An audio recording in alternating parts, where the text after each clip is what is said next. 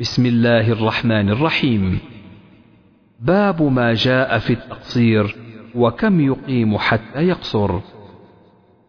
حدثنا موسى بن إسماعيل قال حدثنا أبو عوانة عن عاصم وحسين عن عكرمة عن ابن عباس رضي الله عنهما قال أقام النبي صلى الله عليه وسلم تسعة عشر يقصر فنحن إذا سافرنا تسعة عشر قصرنا وإن زدنا أتممنا. حدثنا أبو معمر قال حدثنا عبد الوارث قال حدثنا يحيى بن أبي إسحاق قال سمعت أنسا يقول خرجنا مع النبي صلى الله عليه وسلم من المدينة إلى مكة فكان يصلي ركعتين ركعتين حتى رجعنا إلى المدينة. قلت أقمتم بمكة شيئا؟ قال أقمنا بها عشرا. باب الصلاة بمنى. حدثنا مسدد قال حدثنا يحيى عن عبيد الله قال أخبرني نافع عن عبد الله رضي الله عنه قال صليت مع النبي صلى الله عليه وسلم بمنى ركعتين وأبي بكر وعمر ومع عثمان صدرا من إمارته ثم أتمها. حدثنا أبو الوليد قال حدثنا شعبة أنبأنا أبو إسحاق قال سمعت حارثة بن وهب قال صلى بنا النبي صلى الله عليه وسلم آمن ما كان بمنى ركعتين. حدثنا قتيبة قال حدثنا عبد الواحد عن الأعمش قال حدثنا إبراهيم قال سمعت عبد الرحمن بن يزيد يقول صلى بنا عثمان بن عفان رضي الله عنه بمنى أربع ركعات فقيل ذلك لعبد الله بن مسعود رضي الله عنه فاسترجع ثم قال صليت مع رسول الله صلى الله عليه وسلم بمنى ركعتين وصليت مع أبي بكر رضي الله عنه بمنى ركعتين وصليت مع عمر بن الخطاب رضي الله عنه بمنى ركعتين فليت حظي من أربع ركعات ركعتان متقبلتان. باب كم أقام النبي صلى الله عليه وسلم في حجته؟ حدثنا أبو موسى بن إسماعيل قال حدثنا وهيب قال حدثنا أيوب عن أبي العالية البراء عن ابن عباس رضي الله عنهما قال قدم النبي صلى الله عليه وسلم وأصحابه لصبح رابعة يلبون بالحج فأمرهم أن يجعلوها عمرة إلا من معه الهدي. تابعه عطاء عن جابر. باب في كم يقصر الصلاة؟ وسمى النبي صلى الله عليه وسلم يوما وليلة سفرا. وكان ابن عمر وابن عباس رضي الله عنهم يقصران ويفطران في أربعة برد وهي ستة عشر فرسخا. حدثنا إسحاق بن إبراهيم الحنظلي قال قلت لأبي أسامة حدثكم عبيد الله عن نافع عن ابن عمر رضي الله عنهما أن النبي صلى الله عليه وسلم قال لا تسافر المرأة ثلاثة أيام إلا مع ذي محرم. حدثنا مسدد قال حدثنا يحيى عن عبيد الله عن نافع عن ابن عمر رضي الله عنهما أن النبي صلى الله عليه وسلم قال لا تسافر المرأة ثلاثة أيام إلا مع ذي محرم تابعه أحمد عن ابن المبارك عن عبيد الله عن نافع عن ابن عمر عن النبي صلى الله عليه وسلم. حدثنا آدم قال حدثنا ابن أبي ذئب قال حدثنا سعيد المقبوري عن أبيه عن أبي هريرة رضي الله عنهما قال قال النبي صلى الله عليه وسلم لا يحل لامرأة تؤمن بالله واليوم الآخر أن تسافر مسيرة يوم وليلة ليس معها حرمة. تابعه يحيى بن أبي كثير وسهيل ومالك عن المقبوري عن أبي هريرة رضي الله عنه.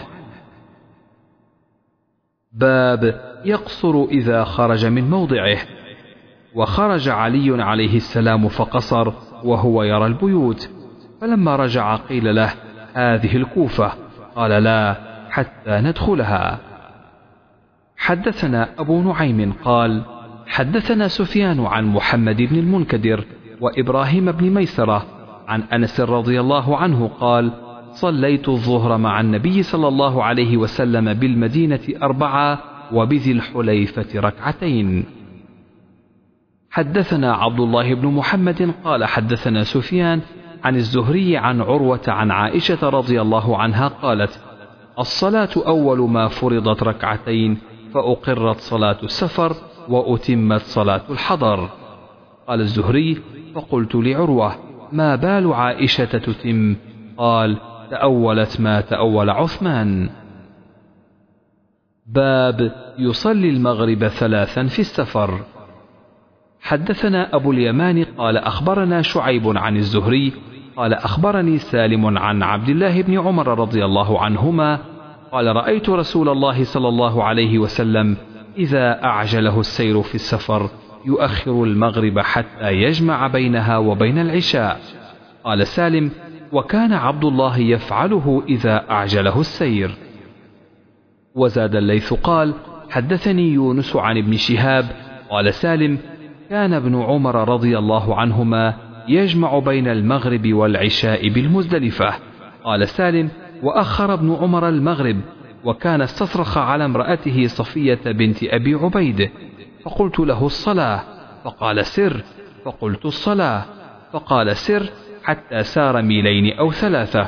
ثم نزل فصلى ثم قال هكذا رأيت النبي صلى الله عليه وسلم يصلي إذا أعجله السير وقال عبد الله رأيت النبي صلى الله عليه وسلم إذا أعجله السير يؤخر المغرب فيصليها ثلاثا ثم يسلم ثم قلما يلبث حتى يقيم العشاء فيصليها ركعتين ثم يسلم ولا يسبح بعد العشاء حتى يقوم من جوف الليل. باب صلاة التطوع على الدواب وحيثما توجهت به.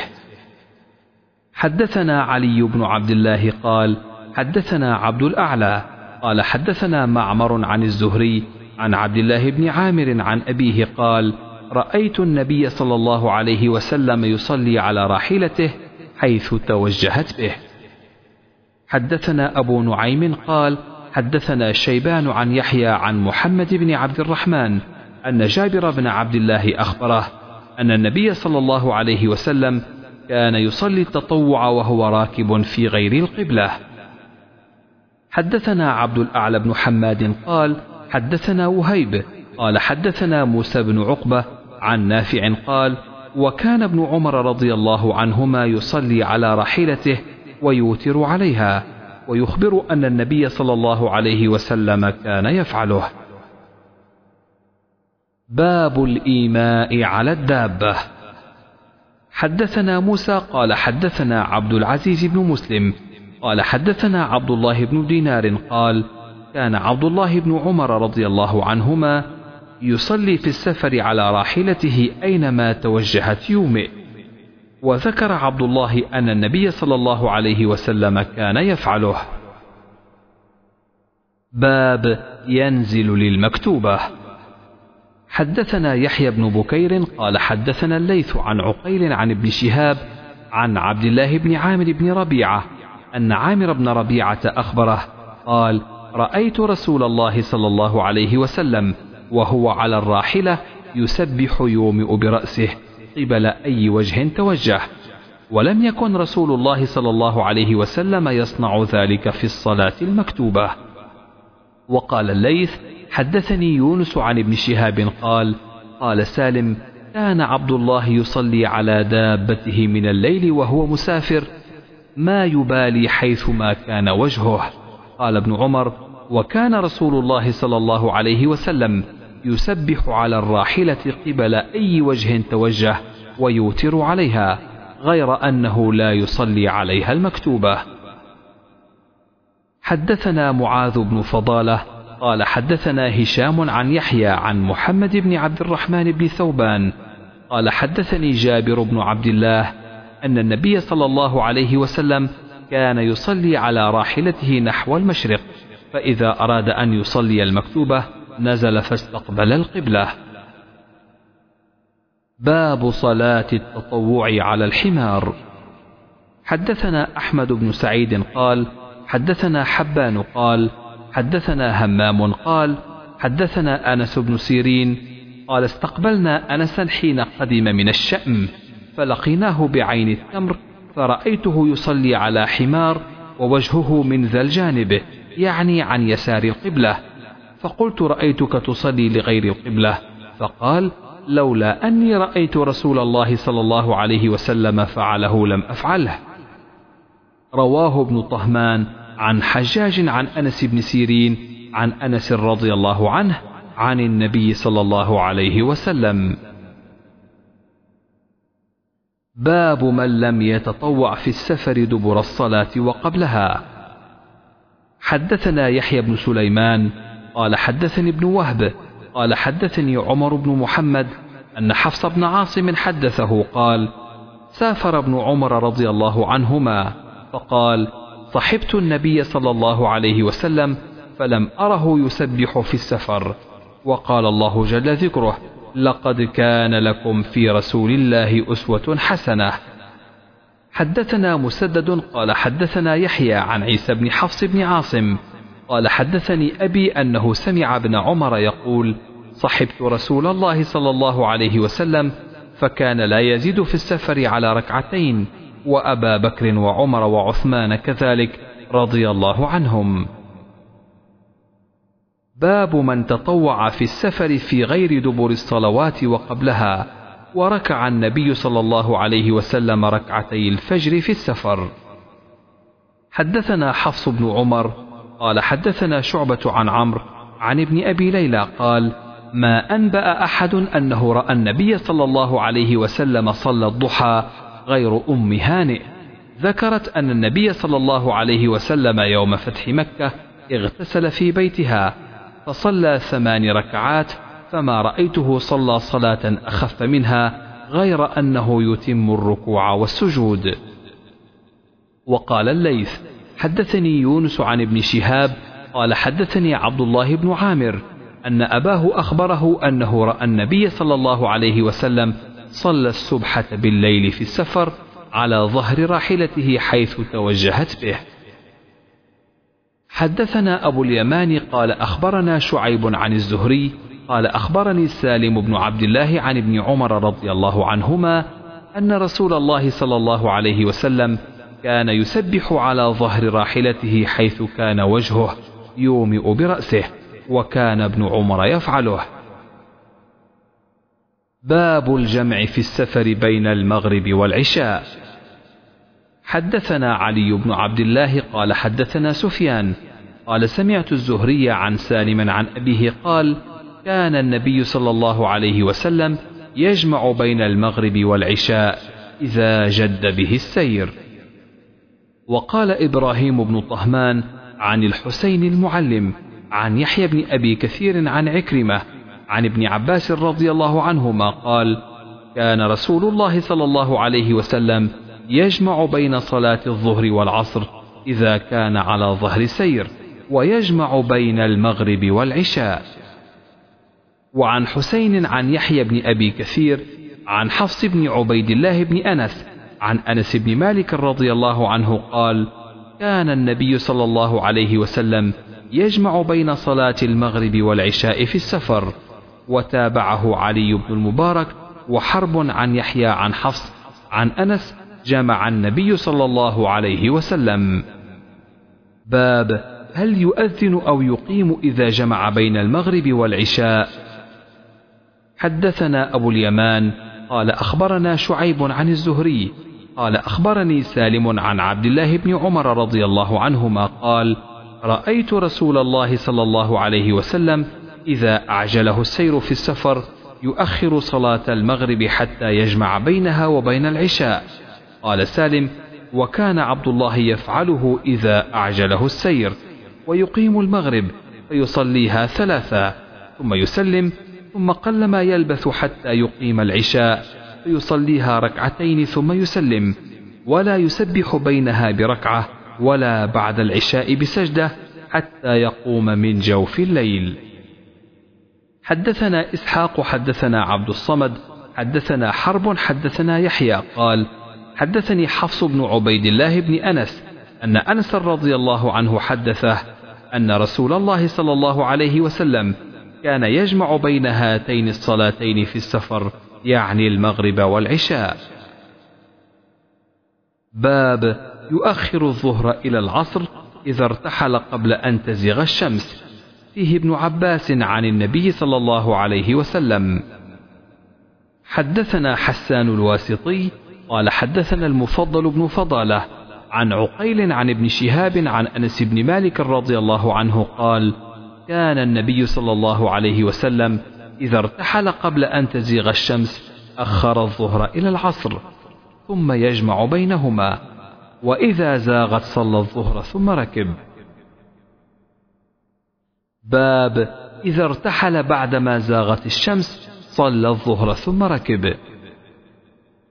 حدثنا قتيبة قال حدثنا المفضل بن فضالة عن عقيل عن ابن شهاب عن أنس بن مالك قال كان رسول الله صلى الله عليه وسلم إذا ارتحل قبل أن تزيغ الشمس أخر الظهر إلى وقت العصر ثم نزل فجمع بينهما فإن زاغت الشمس قبل أن يرتحل صلى الظهر ثم ركب.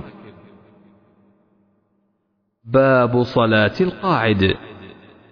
حدثنا قتيبة بن سعيد عن مالك عن هشام بن عروة عن أبيه عن عائشة رضي الله عنها أنها قالت صلى رسول الله صلى الله عليه وسلم في بيته وهو شاك فصلى جالسا وصلى وراءه قوم قياما فأشار إليهم أن اجلسوا فلما انصرف قال إنما جعل الإمام ليؤتم به فإذا ركع فاركعوا وإذا رفع فارفعوا.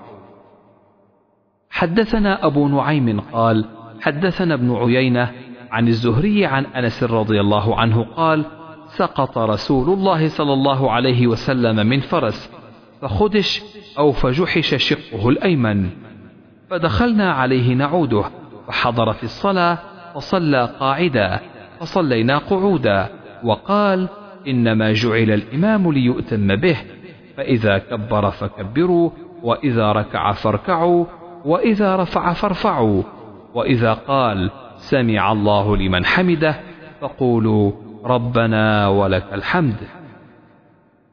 حدثنا إسحاق بن منصور قال أخبرنا روح بن عبادة أخبرنا حسين عن عبد الله بن بريدة عن عمران بن حسين رضي الله عنه أنه سأل نبي الله صلى الله عليه وسلم.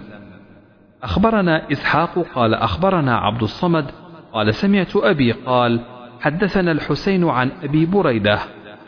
قال حدثني عمران بن حسين وكان مبسورا. قال سألت رسول الله صلى الله عليه وسلم عن صلاة الرجل قاعدا فقال إن صلى قائما فهو أفضل ومن صلى قاعدا فله نصف أجر القائم ومن صلى نائما فله نصف أجر القاعد. باب صلاة القاعد بالإيماء. حدثنا أبو معمر قال حدثنا عبد الوارث قال حدثنا حسين المعلم عن عبد الله بن بريدة أن عمران بن حسين وكان رجلا مبسورا.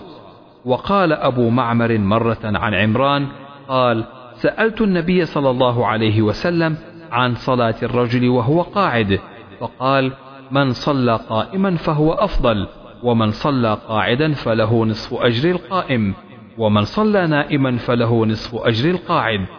قال أبو عبد الله نائما عندي مضطجعا ها هنا. باب إذا لم يطق قاعدا صلى على جنب. وقال عطاء إن لم يقدر أن يتحول إلى القبلة صلى حيث كان وجهه. حدثنا عبدان عن عبد الله عن إبراهيم بن طهمان. قال حدثنا الحسين المكتب عن ابن بريدة عن عمران بن حسين رضي الله عنه قال كانت بي بواسير فسألت النبي صلى الله عليه وسلم عن الصلاة فقال صل قائما فإن لم تستطع فقاعدا فإن لم تستطع فعلى جنب. باب إذا صلى قاعدا ثم صح أو وجد خفة تمم ما بقي.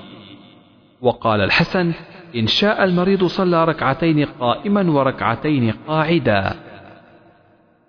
حدثنا عبد الله بن يوسف قال أخبرنا مالك عن هشام بن عروة عن أبيه عن عائشة رضي الله عنها أم المؤمنين أنها أخبرته أنها لم تر رسول الله صلى الله عليه وسلم يصلي صلاة الليل قاعدا قط حتى أسن فكان يقرأ قاعدا حتى إذا أراد أن يركع قام فقرأ نحوا من ثلاثين آية أو أربعين آية ثم ركع. حدثنا عبد الله بن يوسف قال أخبرنا مالك عن عبد الله بن يزيد وأبي النضر مولى عمر بن عبيد الله عن أبي سلمة بن عبد الرحمن عن عائشة أم المؤمنين رضي الله عنها أن رسول الله صلى الله عليه وسلم كان يصلي جالسا فيقرأ وهو جالس. فإذا بقي من قراءته نحو من ثلاثين أو أربعين آية قام فقرأها وهو قائم ثم يركع ثم سجد يفعل في الركعة الثانية مثل ذلك. فإذا قضى صلاته نظر فإن كنت يقظى تحدث معي وإن كنت نائمة اضطجع.